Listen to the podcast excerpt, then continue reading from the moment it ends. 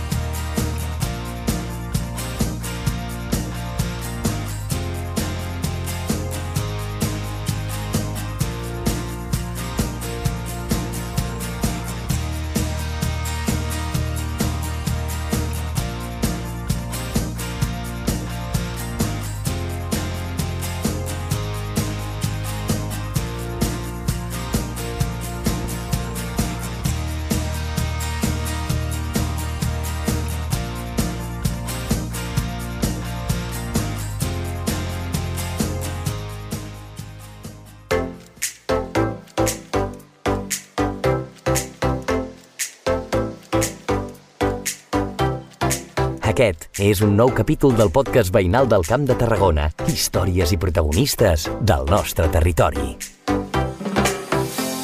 Ens endinsem a la finca de la protagonista d'aquesta setmana. Com sentiu, els gossos, i no són pocs, formen part de la seva vida, del seu dia a dia. Hola, sóc la Sheila Mico i sóc d'aquí de Tarragona i tinc 37 anys. Sheila Micó és una tarragonina amb una vida entregada a la causa animal, als gossos especialment, a la seva acollida, adopció i benestar. Però d'on li prové tot això? Potser de petita? Fem un salt fins a la seva infància. Recordo una infància com super feliç, molt familiar, sempre he fet un munt de coses amb els meus pares i de fet tot el tema dels animals em ve precisament de, dels meus pares. El meu pare no s'ha dedicat mai ni la meva mare al tema dels animals, però sempre han viscut el que era tenir un gos, un gat, inclús altres animals que ara seria totalment inviable, però nosaltres vam tenir inclús un mico a casa. Vull dir que, que sempre he viscut molt de prop el, el tema dels animals i ho recordo amb molt de carinyo. I sí, més enllà de l'amor pels animals que li inculquessin els seus pares, els gossos van ser clau en una infància malauradament marcada per l'assetjament escolar que confessa haver patit la nostra protagonista. Tenir una etapa de col·legi no gaire divertida. Tot això que ara li han ficat nom, no? que és el tema del bullying, jo ho vaig patir d'una manera... va ser molt desagradable. En aquell moment no s'explicava a casa tampoc perquè feia com vergonya. I semblava que el problema realment el tingués jo i que fos culpa meva no? de no encaixar amb els grups o amb la gent. I precisament els meus gossos, l'Alaska i, el, i el Black, que eren els gossos que tenia per, en aquell moment, eren el meu refugi. Els gossos, un refugi per la Sheila i avui la Sheila, un refugi per tants i tants gossos. Com és la vida, oi? Jo al complir els 16 anys, que ja podia començar a treballar i podia deixar d'estudiar, per mi era una alliberació sortir d'aquell espai on per mi era tot una tortura. Tot el que feia era jutjat, tot el que feia era motiu de riure, a mi m'han robat, m'han enganxat a la porta del col·legi i, bueno, m'han dit barbaritats, no? I jo el que volia era fugir. Vaig veure una oferta de feines que això no se m'oblidarà mai. Buscaven hostesses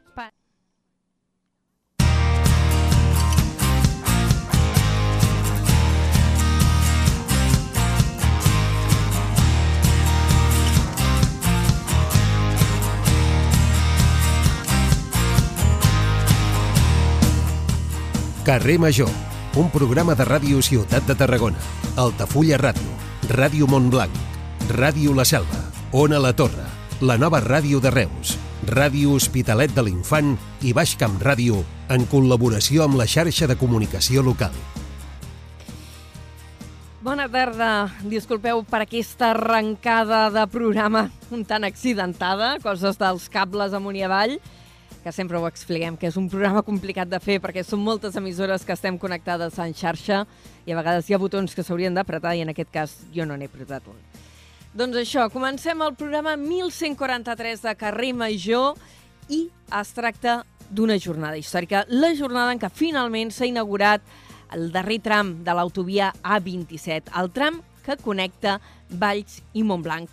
Ha costat molt, moltíssim, perquè hi havia un tram molt complicat dintre d'aquest tram més gran, i es tracta del tros del túnel del Coll de l'Illa. Una obra molt complexa per la presència de terres argiloses que van complicar molt la construcció, tot i que només és un túnel d'un quilòmetre i mig, hi ha hagut altres entrebancs al llarg de tot el projecte, com la crisi econòmica, que va esclatar el 2008 amb la bombolla immobiliària i que ho va paralitzar tot, o després també la pandèmia. Tot plegat ha condicionat aquesta obra que s'ha arribat a encarir fins als 157 milions d'euros. Però ja ho tenim aquí, els cotxes ja circulen i aquest matí ho ha inaugurat, allò com diuen els castellans, por todo lo grande, la ministra de Transports, la Raquel Sánchez. Avui en parlarem, aquí al programa en parlarem, evidentment, a l'informatiu, però també amb el nostre primer convidat, que és l'alcalde de Montblanc, l'Oriol Pallissó, que ens han dit que està una mica impiucat per així tot faldrà, farà eh, l'esforç per poder-nos atendre i parlar d'aquesta inauguració històrica. És el tema principal d'avui, som dilluns 23 d'octubre i esteu escoltant Carrer Major, el programa que fem 8 emissores del Camp de Tarragona. El fem des de Ràdio Ciutat de Tarragona, la nova ràdio de Reus, Altafulla Ràdio, Ona la Torre, Ràdio La Selva, Ràdio L'Hospitalet de l'Infant i Ràdio Montblanc. Des d'ara i fins les 6 us estarem acompanyant tot l'equip. Jo sóc l'Anna Plaça i el control tècnic i tenim el Iago Moreno. Benvinguts. Carrer Major, Anna Plaza i Jonai González.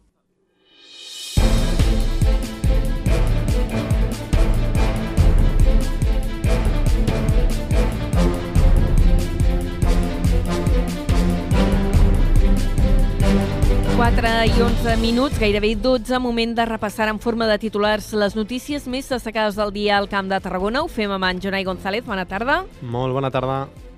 Ja ho dèiem, avui la notícia del dia. La ministra de Transport, Raquel Sánchez, ha inaugurat aquest matí el túnel del Coll de l'Illa de la 27 que connecta Tarragona i l'Alcamp amb la Conca de Barberà.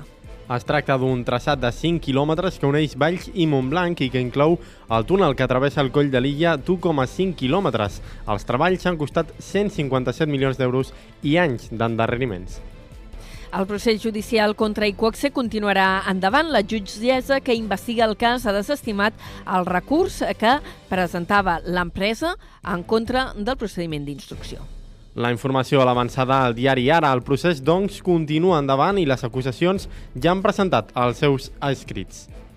I avui crítiques de la CUP que demana a l'Ajuntament de Tarragona si aclareixi, que aclareixi si ha assumit com a habituals les pràctiques que es van denunciar en el marc del cas Inipro.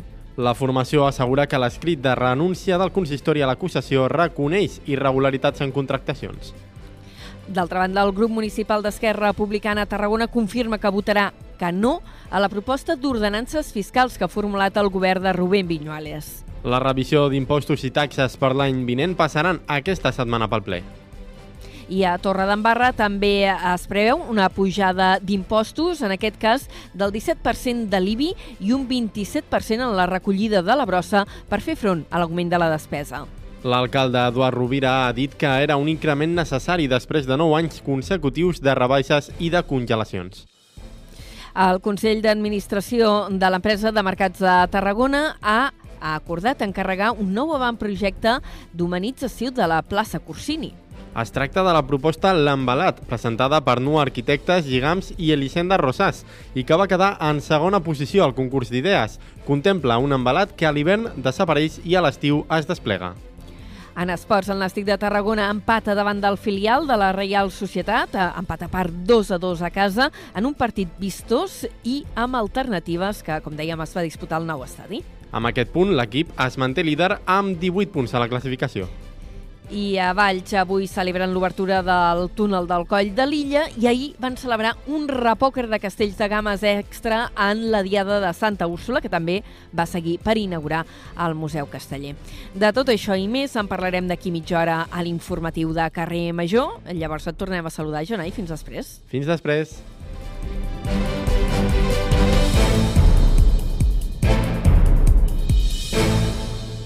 Carrer Major. Toni Mateos.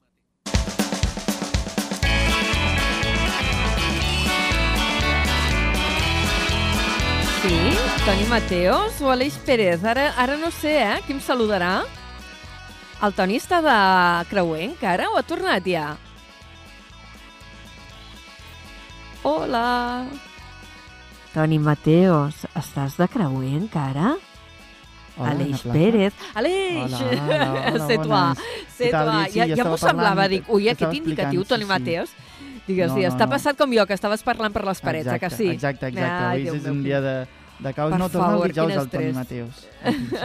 torna el dijous. Si, si apareixo jo el dijous, llavors sí que potser ens hem de preocupar una mica. Ostres, ostres. No Sí, sé allargar que vingui nedant, eh? que- També, que- bueno, m'estic imaginant Toni Mateos nedant des de les... No, Palerm, no? Era l'última parada Sí, que ens va dir que havia fet. I tant. Doncs pues imagina't. Què farem a partir de les 5? I ara, in- jo de moment intento respirar i a partir de les 5... Sí, sí. Respira, respira. Mira, mentrestant t'explicaré una mica què tenim pensat per aquesta segona hora de magazín que tindrem també en breu eh, des dels estudis de Ràdio Montblanc entrevistarem Esther Ramon i Ramon Pérez, presidenta i vicepresident de l'Associació d'Amics del Camí de Sant Jaume. També, òbviament, i per altra banda, també tindrem els col·laboradors, la Maribel Martínez, veterinària, amb qui parlarem sobre què és millor, si s'ha d'adoptar, si s'ha de comprar, i una mica també entendre la casuística que motiva la gent també a fer les, aquestes coses. Els tonis, per altra banda, és molt curiós també perquè avui crec que són coses que s'han trobat dins de cossos humans. Ai, sí, quan ho van dir, això és molt Sí, inquietant, sí, jo eh? em vaig quedar una mica impactat, eh? Jo també, encara estic en xoc. Intentarem que la nostra audiència no es pertorbi amb, aquests tonis i, i si no, es no, que pertorben, riuran, doncs... que riuran. Exacte, i si no tindrem la banda sonora per animar una mica el, el personal i acabarem doncs amb la furgoneta i és que el Miquel Llevaria crec que s'ha desplaçat fins, a, fins al coll de l'illa, que és el tema del dia Home, no avui clar. i segurament I tant. doncs es fa in situ, ens dirà a veure què, què, què ell hi ha, farà la es cou. descripció. I ara faré la- l'anàlisi i ell farà la descripció després. Molt bé, perfecte. Molt bé. Doncs moltíssimes gràcies. Fins després, Aleix. bé, fins després, Adéu. Cada tarda de dilluns a divendres fem parada a Carrer Major.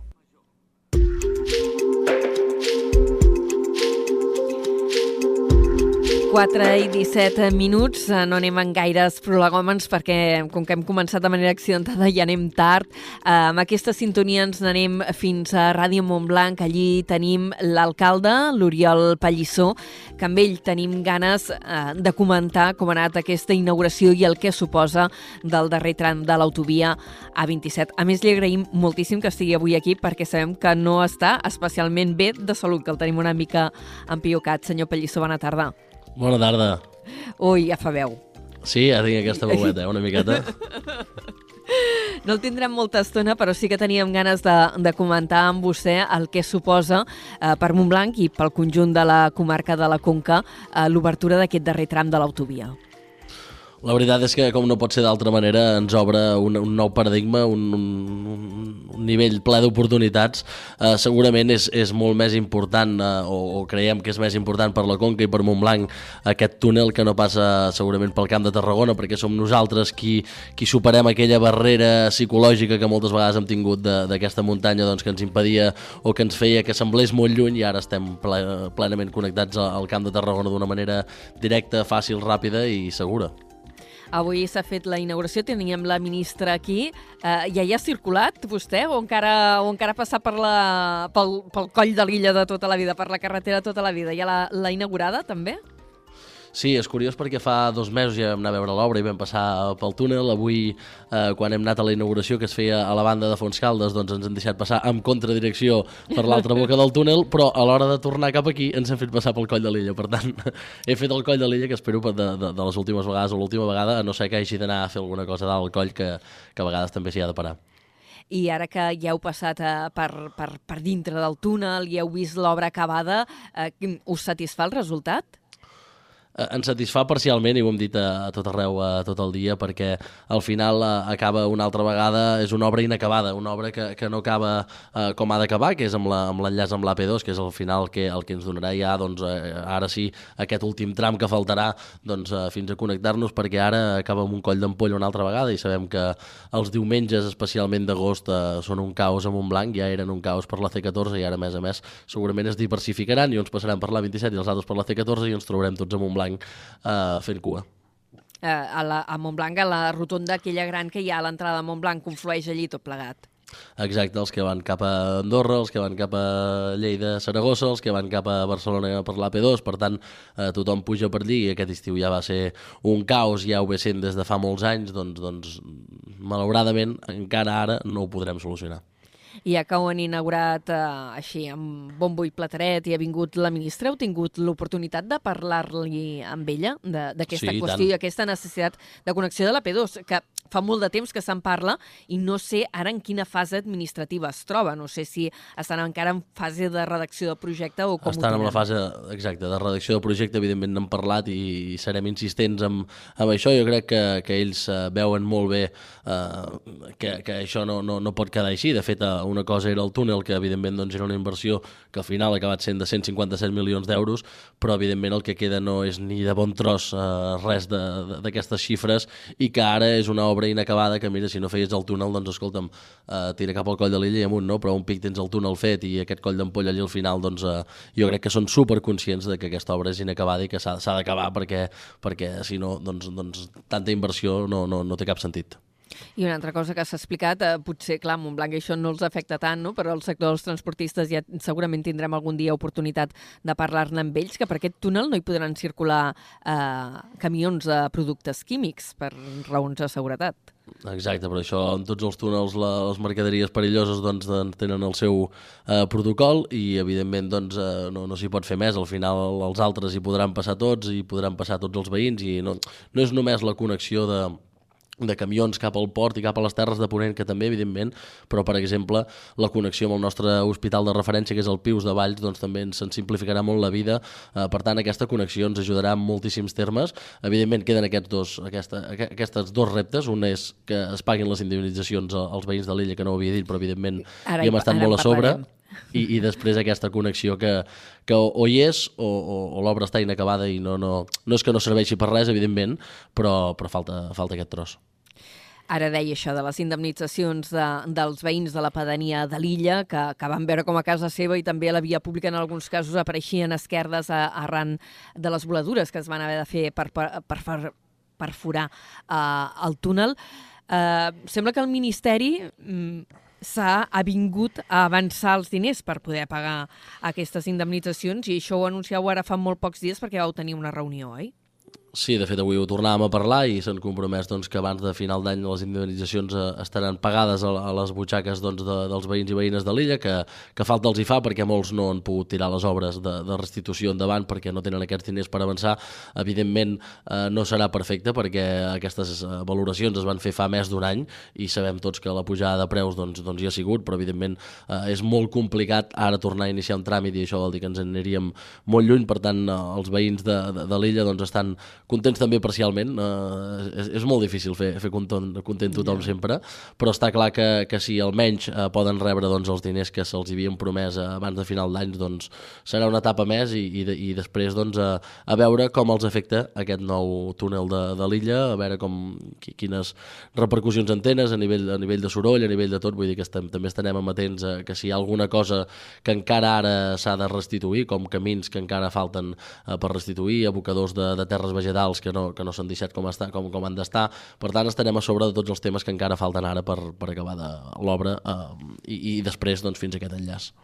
Aquests uh, treballs complementaris, ara parlava dels camins, ara fa molt poquetes setmanes també el Ministeri va anunciar que es licitaven per 6 milions d'euros obres complementàries que uh, em sembla que entre altres coses contemplaven això, la restitució d'alguns d'aquests camins que, que quedaven tallats ara per, per l'autovia. Sí, algun pont també, el pont de Camp Magre, que també és un de, una de les reivindicacions històriques dels veïns de l'illa, perquè al final ells el que, el que volen és que aquesta obra els hi afecti el menys possible, que, que segur que serà molt, però que si és el menys possible i deixar-los doncs, eh, més o menys com, com ho tenien abans doncs, per poder anar a conrear les seves terres o per anar on haguessin d'anar doncs, i continuar la, la vida normal doncs, abans de, de tot aquest uh, procés d'obres. Avui hem convidat l'Oriol Pallissó, ell és l'alcalde de Montblanc, eh, des d'aquest mandat, eh, des del mes de juny, en què Esquerra Republicana, que és el seu partit, i Junts van aconseguir eh, un acord de govern amb els independents de Despertem Poble, eh, que van permetre fer fora de l'alcaldia el partit de Pep Andreu, que es presentava amb la marca de, de Montblanc eh, Progressa. Aquest primer gairebé mig any, no, no arriba encara a mig any, però com, com el porteu? Uh, sí que t'ho voldria puntualitzar que, que el fet de, de fer fora, no, no, creiem que no vam fer fora ningú, sinó al final vam fer un pacte per, per governar Montblanc i per... M'ha sortit i per, amb aquesta expressió, sí. Era conscient de que no era la més adequada, eh, quan l'he dit. Clar, però... perquè a, a, em sabia greu i, i, de, i de fet avui doncs, era, era un dels dies de, de, que, de que el Pep Andreu uh, també hi era, que hi era com a regidor i ara, ara mirava els comentaris a les xarxes que deien això, uh, sense ell no hagués estat possible segur el Pep va ser eh, molt insistent amb les obres del túnel del Coll de l'Illa i això evidentment se li ha de reconèixer però evidentment doncs, els càrrecs canvien i avui doncs, m'han convidat a mi com a alcalde de Montblanc i no podia estar ell al davant perquè, perquè no li pertocava no? però eh, la veritat és que amb la pregunta que, que, que em feies doncs, eh, el govern jo crec que, que estem eh, contents, estem molt units eh, estem intentant treballar projectes eh, per canviar la manera de fer que hi havia l'Ajuntament ni, ni, ni de manera millor ni de manera pitjor sinó segurament diferent i que, que esperem doncs, que al cap de 4 anys doncs, la ciutadania ens digui digui si ha valgut la pena doncs que després de 18 anys d'alcaldia de, de, de, de Pep Andreu doncs aquest canvi és positiu. Jo, jo, jo n'estic segur que serà positiu perquè no, no ho puc dir d'altra manera. Eh, crec que hem canviat eh, les maneres de fer i, i moltes eh, perspectives de, de futur i n'estic segur que que l'empenta, la il·lusió, la, les ganes doncs, eh, no són les mateixes quan comences que quan portes moltíssims anys. Per tant, eh, content, content i amb un equip doncs, molt engrescat i amb moltes ganes de treballar i per això n'estic molt content dels, dels tres grups que formem a, a aquest govern. I pel tema diners, preocupats, perquè en alguna ocasió heu, i més recentment ara, perquè ara ja s'estan, suposo, tramitant ordenances fiscals, heu alertat de la situació econòmica de les finances municipals. Sí, però de, de la mateixa manera que hem dit que, que la situació econòmica no, no és la, la dient o la que, la que ens agradaria, també hem dit que, que en cap moment serà el nostre escut de, de refugiar-ne darrere d'aquest paradigma de dir ei, eh, no hi ha calés i no, no farem res. Intentarem fer tot el que podrem, tenir la màxima bona relació amb totes les institucions, treure subvencions d'on sigui i tirar endavant projectes que segurament doncs, eh, vindran de nou, eh, segurament pro, projectes eh, en termes d'habitatge o termes de, de la zona esportiva, molts dels reptes que tenim tenim al davant eh, no serà el nostre escut el fet de que l'Ajuntament no estigui bé econòmicament, perquè tenim ganes de fer coses i les coses, si hi ha voluntat i il·lusió, n'estic segur que surten d'una manera o altra. Ara en parlarem d'aquestes coses que estan en projecte, almenys eh, farem pinzellades, eh, però ara estem ja a la tardor, acabant l'any, moment d'elaborar pressupostos, d'elaborar ordenances fiscals. En quina fase ho teniu i no sé si preveieu algun increment, com s'estan plantejant molts ajuntaments del territori? Uh, les ordenances les estem acabant de treballar i la setmana vinent doncs, al ple la, la, les portarem a, a votació amb unes ordenances um, pel que fa a l'IBI, que és el gran impost doncs, de moment uh, hem plantejat de no tocar-lo de deixar-ho de deixar com està les escombraries segurament doncs, aquest 5% que ens aplica el Consell Comarcal doncs, uh, serà de rebut doncs, doncs, poder-lo aplicar però sí que és veritat que estem pensant en unes ordenances també que ajudin moltíssim, no? per exemple amb els temes que et deia ara d'habitatge doncs crearem una ordenança que aquelles cases de dins del centre històric que estiguin desocupades i es arreglin per posar-les a lloguer o per anar-hi a viure, doncs eh, gaudiran d'un 95% de bonificació de llicència d'obres, per tant, que paguin el mínim de llicència d'obres eh, en, en terme legal, i també si el posa a la borsa de lloguer del de, de, Consell Comarcal, doncs que puguis gaudir d'un 50% de la rebaixa de l'IBI durant 3 anys. Per, per, per tant, eh, mesures eh, de cara a incentivar doncs, a moure el mercat de l'habitatge. A Montblanc tenim 672 habitatges habitatges buits, que això és una animalada. Sabem que, que el tema d'habitatge és un problema de país, però a la Conca de Barberà i especialment doncs, a Montblanc ho notem moltíssim i creiem que amb els anys que venen, avui doncs, amb aquesta obertura de, del túnel del Coll de l'Illa, aquesta setmana amb l'inici doncs, una mica no del tot, però sí que ja hi ha màquines treballant en el nou polígon logístic de Cimalsa, ara quan venia estava parlant amb, amb el director de Bonpreu, per tant, eh, moltes coses que passaran en els propers 4 anys, tenim molts reptes al davant i els hem de saber gestionar i un dels termes principals i un dels pilars principals serà tractar els temes d'habitatge uh, alcalde, com que notem que té la gola bastant malament però i no el bé, volem eh? fer patir. Sí, està bé? Uh, Sí, però sí. tampoc el volem fer patir, tampoc ens podem allargar massa. Ara esmentava aquestes obres de Cimals, el gran uh, polígon logístic que s'ha de fer a Montblanc. A punt de començar obres ja, formalment? Sí, van començar obres la, la setmana passada, però sí que és veritat que l'activitat com a tal eh, que es vegi molt de moviment serà aquestes properes setmanes. Estem buscant una data per fer una inauguració doncs, d'aquestes obres amb la, amb la consellera Territori, amb la gent de Cimals, amb la gent de Bonpreu, amb la gent de, del Consell Comarcal, de l'Ajuntament, una miqueta doncs, a, a reivindicar i posar la cirereta doncs, d'inici eh, d'aquestes obres, una mica doncs, tots plegats, tota la gent que, que hi treballarà, i per tant, sí, els propers dies eh, intentarem doncs, anunciar una data doncs, per, per l'inici d'aquestes obres eh, en la fase ja més eh, expansiva. Eh? De, de fet, ja estan treballant des de, des de dilluns passat. Perquè ara s'està treballant una urbanització de terrenys. En paral·lel, a Bonpreu ja comença amb la seva nau. Com, com ho esteu articulant, això? De, de moment encara no, perquè Bonpreu sí que volia fer una modificació de, del seu, de la seva parcel·la i, i encara no, no han començat, però evidentment tampoc no poden començar perquè encara no encara està en una fase molt preliminar i per tant eh, jo crec que, que Bonpreu a, a principis de l'any vinent començarà ja les seves obres també de- d'industrialització. És a dir, primer urbanitzem terrenys, voreres, clavegarams, aigua, llum, que arribi Jo crec tot, que es farà una mica en poden- paral·lel.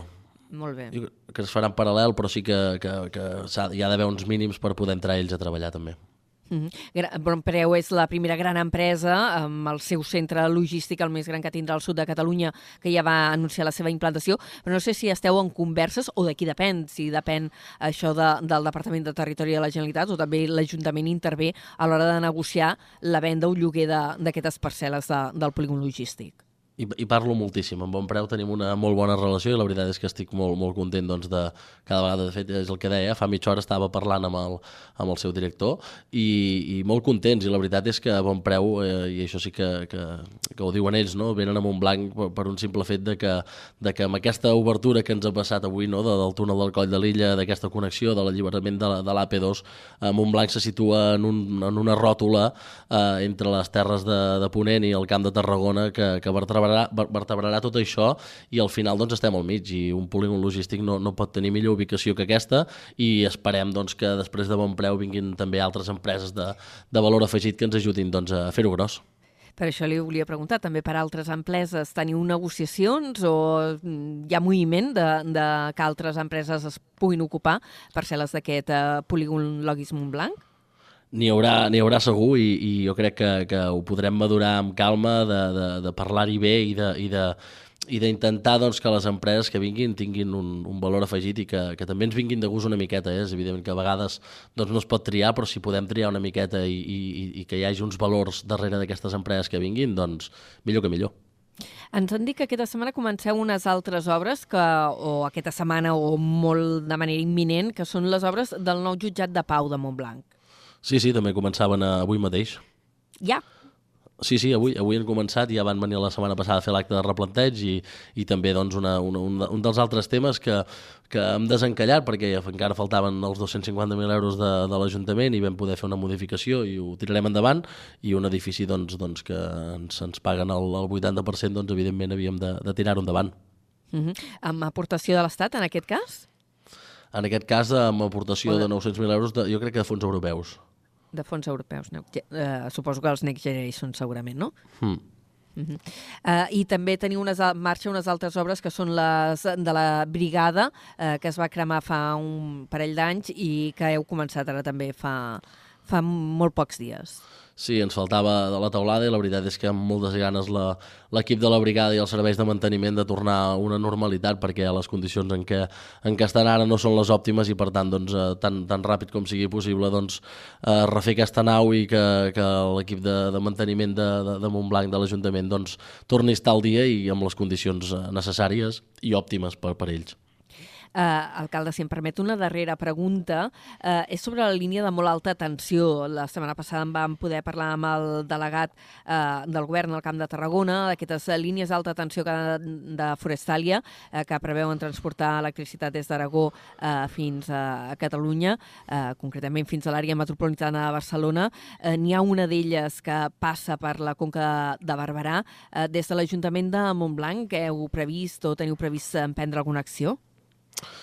A nosaltres, per sort, aquestes línies doncs, no, no ens afecten al nostre terme municipal, però sí que és veritat que la setmana passada, amb la meva funció doncs, de, de diputat del Parlament de Catalunya, doncs, vaig rebre una representació dels alcaldes que els hi afecten aquestes línies i des del partit i des del grup parlamentari doncs, a, a fer tota la força doncs, perquè aquestes línies, evidentment, doncs, no, no hi siguin, no passin i no ens destrueixin més el territori de, del que és. Al final, les energies han d'estar de, el més a prop possible d'on es consumeix aquesta energia i no de fer aquestes línies línies d'alta tensió i que l'energia la produeixin en un puesto i després hagi de viatjar durant molts quilòmetres i trinxar doncs, molt del territori que prou malmès tenim.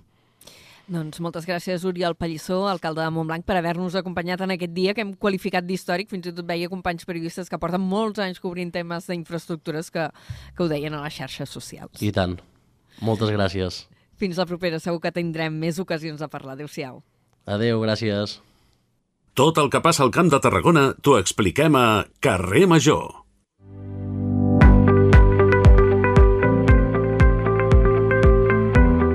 Doncs vinga, moment de continuar amb Carrer Major, amb l'anàlisi esportiva castellera que acostumem a fer tots els dilluns, i ho fem amb en Carles Cortés, del programa Casteller Finet i pel mig, del programa esportiu Com ho veus.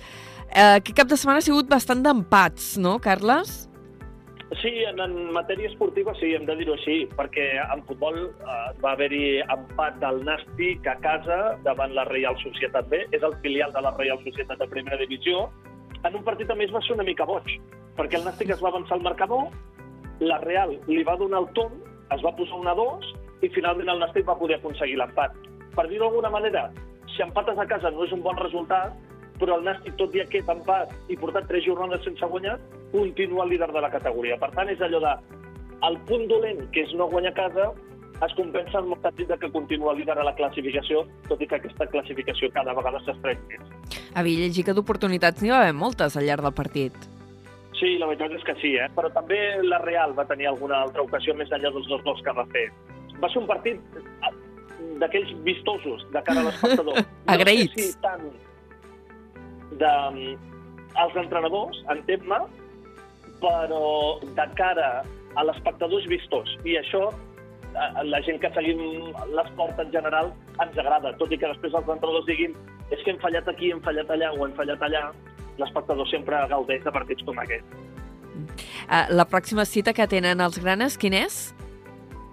Diumenge vinent, partidàs a Riazor, al camp del Deportivo de la Corunya, un equip que Toma ja. fa quatre dies estava a primera divisió.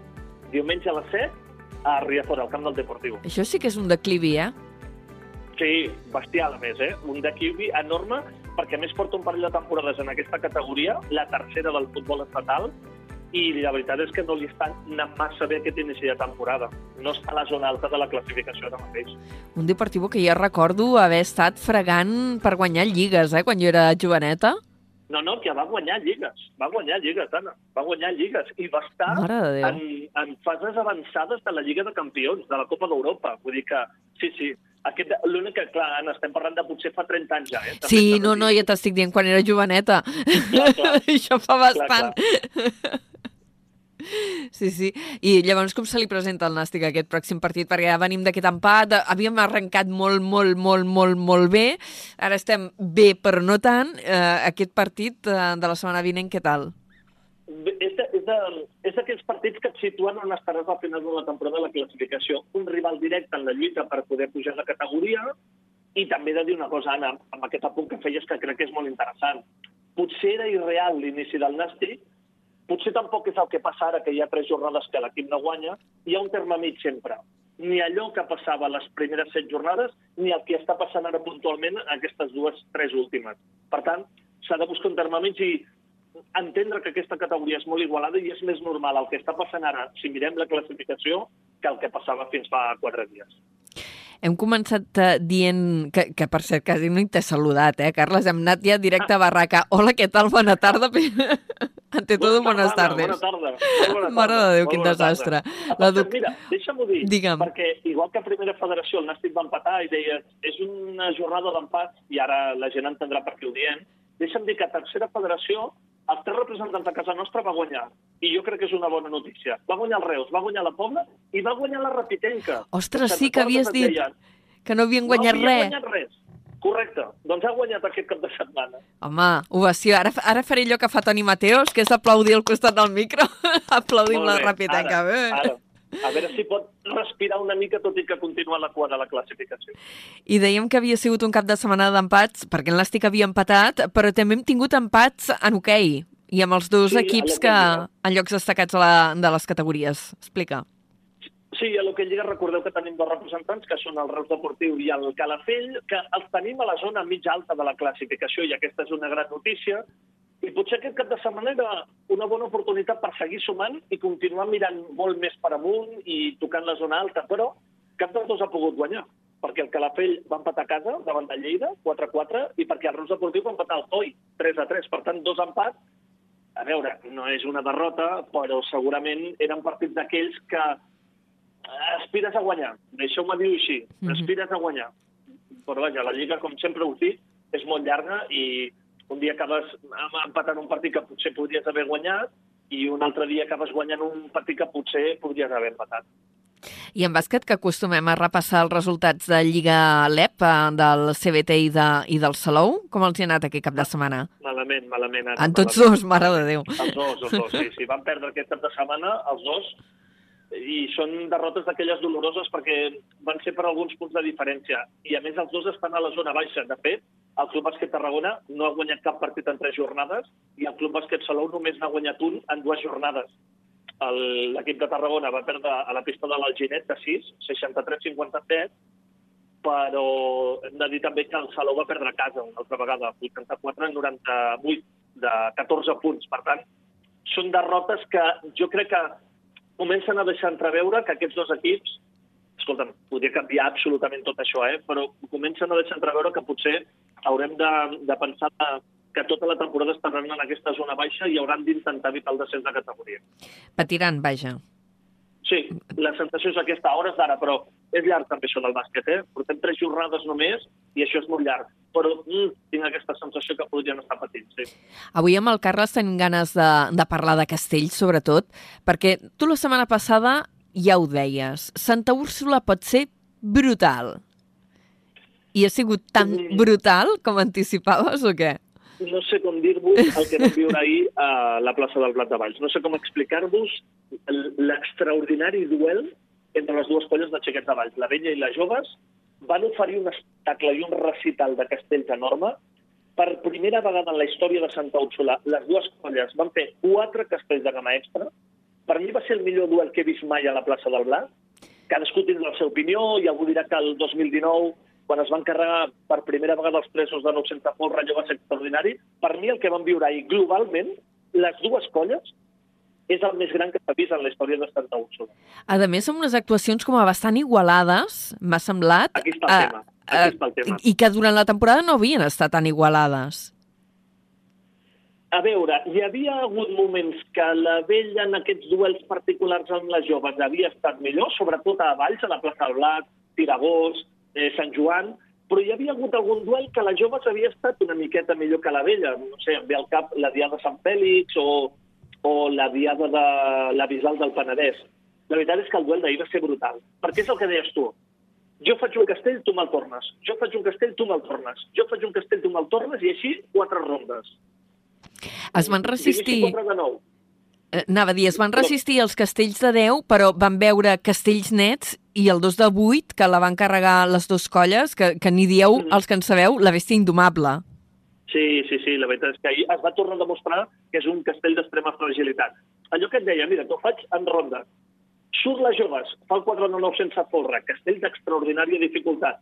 Respon la vella i també el descarrega. Segona ronda. Les joves intenta el castell de 10, no se'n surt. 3 de 10, no se'n surt. A la repetició, carrega el 2 de 8 que tu deies. La vella, a la segona ronda, prova també el castell de 10. 4 de 10 en aquest cas. No se'n surt, intent. I recondueix la diada i també prova el 2 de 8 i el carrega igual. Per tant, dues primeres rondes estan igual. 4 de 9, 2 de 8, el 2 de 8 carregat, i l'intent de castell de 10, cadascun el seu. I a la tercera ronda és on la vella va marcar la diferència. Va fer el 4 de 9 amb folre i pilar, que és una mica més difícil, el 5 de 9 amb folre, que és el que va fer la jove. Però el duel va ser majestuós i a més va acabar amb dos pilars de 8 amb folre i manilla sensacionals de les dues colles. L'ambient a plaça devia ser increïble, no? La veritat és que sí, amb un afegitó. Com a la tarda s'inaugura del Museu Casteller de Catalunya, hi, hi havia més gent que mai, més públic que mai i més representants de colles que mai. I l'havien... Hi ha un hàndicap eh, de la diada d'ahir, que això no ho he dit encara. Que era La lenta. diada va durar més de 4 hores. déu nhi. I això es va anar preparat a la plaça del Blat per viure i per veure-ho. Eh? I aquest, a mi, si se'm permet l'expressió, seria l'únic paró d'aquesta diada. Ho va tenir tot castellanament parlant, però protocolàriament parlant va ser potser massa llarg. Carles, eh, t'agraïm molt aquesta pinzellada pels resultats esportius per aquesta diada de Santa Úrsula que ja preveiem que, que seria espectacular, que ho ha sigut. La gent que et segueixi a, a Finet i pel mig, que suposo que ho, ho analitzareu tot amb imatges i amb detalls. I eh, tornem a parlar la setmana vinent.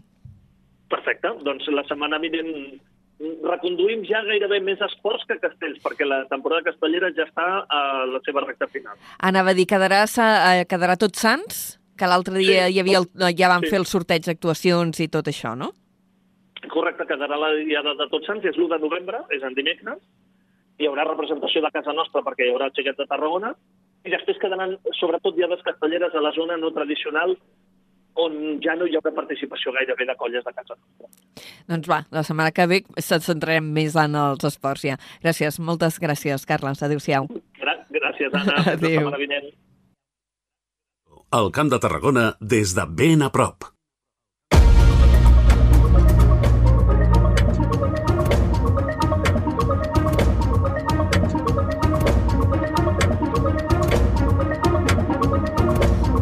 Que són ja tres quarts de cinc de la tarda i ens queda res, menys d'un quart d'hora per repassar l'actualitat que es presenta carregada amb aquesta inauguració d'avui um, de les obres del túnel del coll de l'illa, eh, un acte institucional que està presidit per la ministra de Transports en funcions Raquel Sánchez i en què també han participat nombroses autoritats del territori.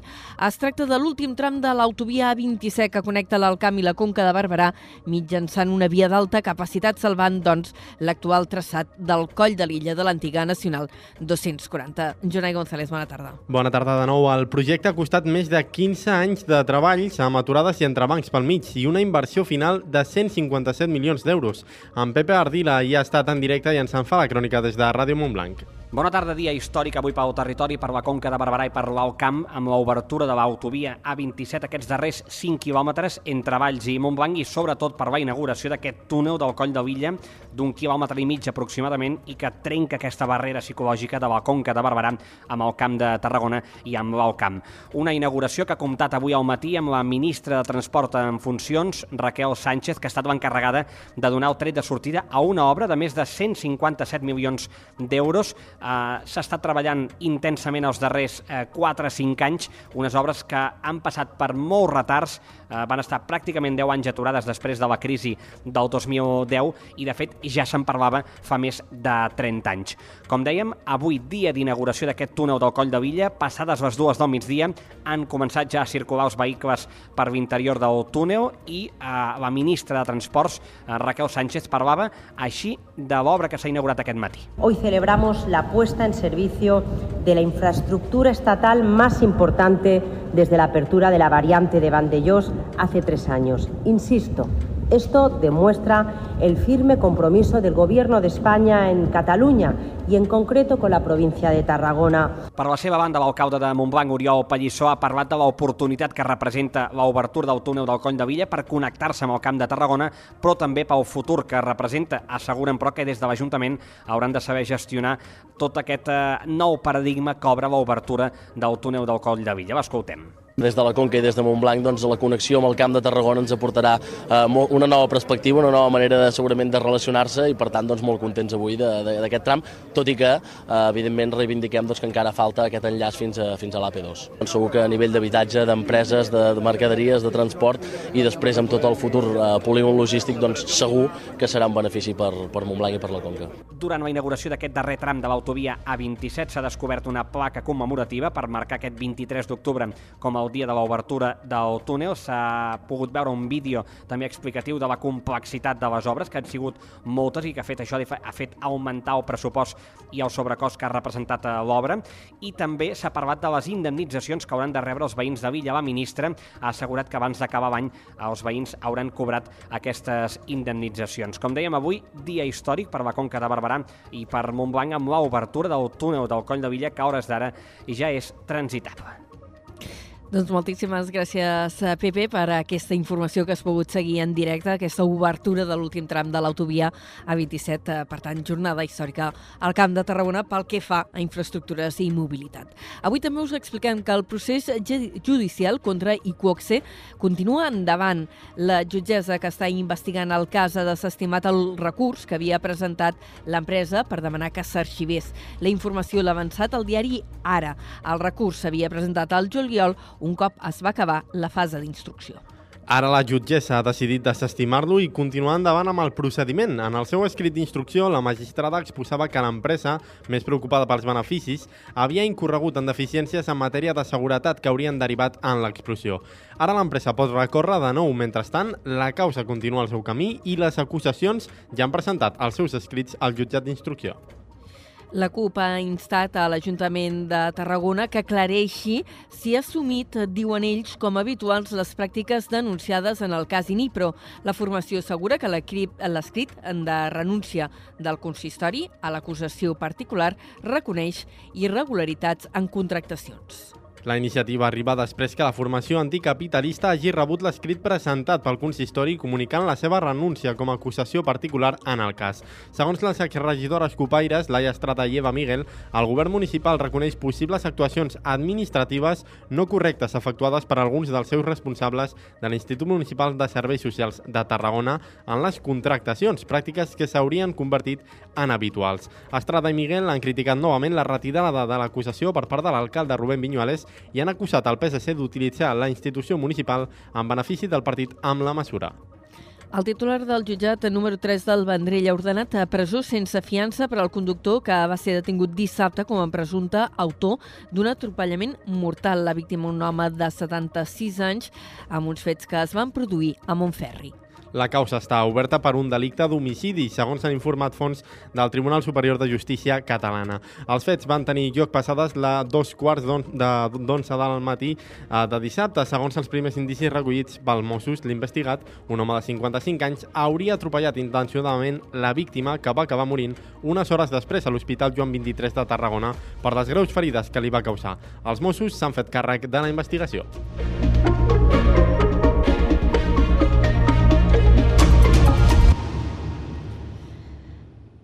4 i 51 minuts, a Reus ja es pot sol·licitar l'autorització per circular pel centre que començarà a funcionar amb proves el 6 de novembre. Les proves està previst que s'allarguin fins al 31 de gener. L'autorització per circular en aquesta zona, que a partir d'ara serà restringida, es pot demanar a l'Oficina d'Atenció Ciutadana automàticament a través del web municipal. Aquesta reordenació va encaminada a la pacificació del trànsit i la reducció d'emissions. La circulació de qualsevol tipus de vehicle pel centre estarà limitada a una velocitat màxima de 10 km hora i la prioritat sempre serà del vianant. Mentre duri el període de proves, es reforçarà la presència d'agents de la Guàrdia Urbana als punts d'accés al centre per informar els usuaris. A les franges horàries definides podran accedir al centre els vehicles que disposin de l'autorització municipal i no serà necessari exhibir cap distintiu en el vehicle, ja que l'accés es fa farà de forma automatitzada mitjançant lectors de matrícules. I aquesta és una setmana clau per a les finances de Tarragona Ciutat. Eh, s'hi han d'aprovar en ple dijous les ordenances fiscals. Avui la portaveu d'Esquerra Republicana ha dit, d'una banda, que eh, veu impossible entrar eh, al govern municipal i també ha parlat de les ordenances fiscals en una entrevista a Ràdio Ciutat. La portaveu d'Esquerra ha destacat que votaran no a aquestes ordenances municipals, però que resten oberts a negociar. Ens ho amplia des de Ràdio Ciutat de Tarragona, l'Arnau Curto. La portaveu del grup municipal d'Esquerra Republicana de Catalunya a Tarragona, Maria Roig, assegura que a dia d'avui votaran no en el plenari d'aprovació de les ordenances municipals que se celebrarà aquest dijous 26 d'octubre. Roig considera que el pas del 20% de l'increment d'IBI proposat inicialment per l'equip de govern al 7,4% és insuficient. Recordem que la proposta dels republicans és d'incrementar l'IBI un 3,5%, és a dir, el que correspon a l'augment de l'IPC. Amb tot, la portaveu republicana no tanca la porta a la negociació en els pròxims dies si és que el govern es vol reunir amb Esquerra. Com ja hem transmès, si es manté aquest 7,4 que, eh, que proposa el govern de la ciutat eh, pel que fa a l'IBI, ja vam dir que per nosaltres doncs, aquesta proposta és un no. Ells saben que tenen aquesta proposta sobre la taula i que si volen, eh, sempre crec que ho hem transmès, Esquerra Republicana som una oposició responsable, ens tornarem a reunir i tornarem a parlar les vegades que calgui, això sí. Roig considera que el pas del 20% al 7,4% podria respondre que el govern ja tindria socis que ho veuen bé, ja que, diu, ningú va a un plenari sense seguretat. Que si l'alcalde, si el govern presenta aquest 7,4 és que probablement eh, té algú, no? té socis que, que ho veuen favorable i que per tant li votaran que sí, perquè ningú va amb un ple amb un tot o res. Jo faig dues lectures. Una pot ser aquesta, que està vista amb molt bons ulls i està molt bé.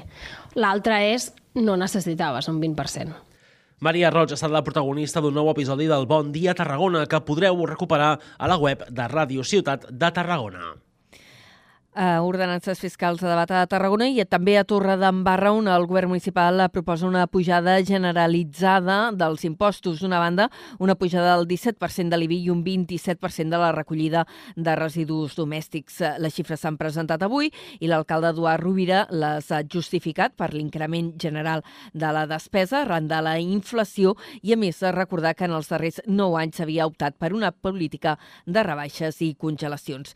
Hem de parlar també de resultats esportius, molt breument, destaca l'empat del Nàstic de Tarragona davant la filial de la Reial Societat, un empat a casa a dos gols eh, en un partit eh, que va ser eh, bastant d'infart i eh, després del qual l'equip grana encara es pot mantenir líder en aquesta tercera divisió estatal. Pel que fa a bàsquet, a la categoria Le Plata, hi ha hagut dues derrotes per als equips de la demarcació, tant el Salou com el CBT han caigut i segueixen a la cua de la classificació. I acabarem eh, recordant que ahir va haver la Diada de Santa Úrsula a Valls, diada històrica, amb pòquer de games extra per part de la jove i de la vella, que van viure una competició, un frec a frec constant durant tota la jornada amb castells tan destacats com el 4 de 9 net o el 2 de 8 net. Uh, també va ser una jornada en què es va inaugurar el Museu Casteller de Valls. Dit això, tanquem aquesta primera hora, avui una mica accidentada, del programa Carrer Major. Ara a les 5 prendrà el relleu l'Aleix Pérez amb molts més continguts de proximitat. Fins ara, adeu-siau.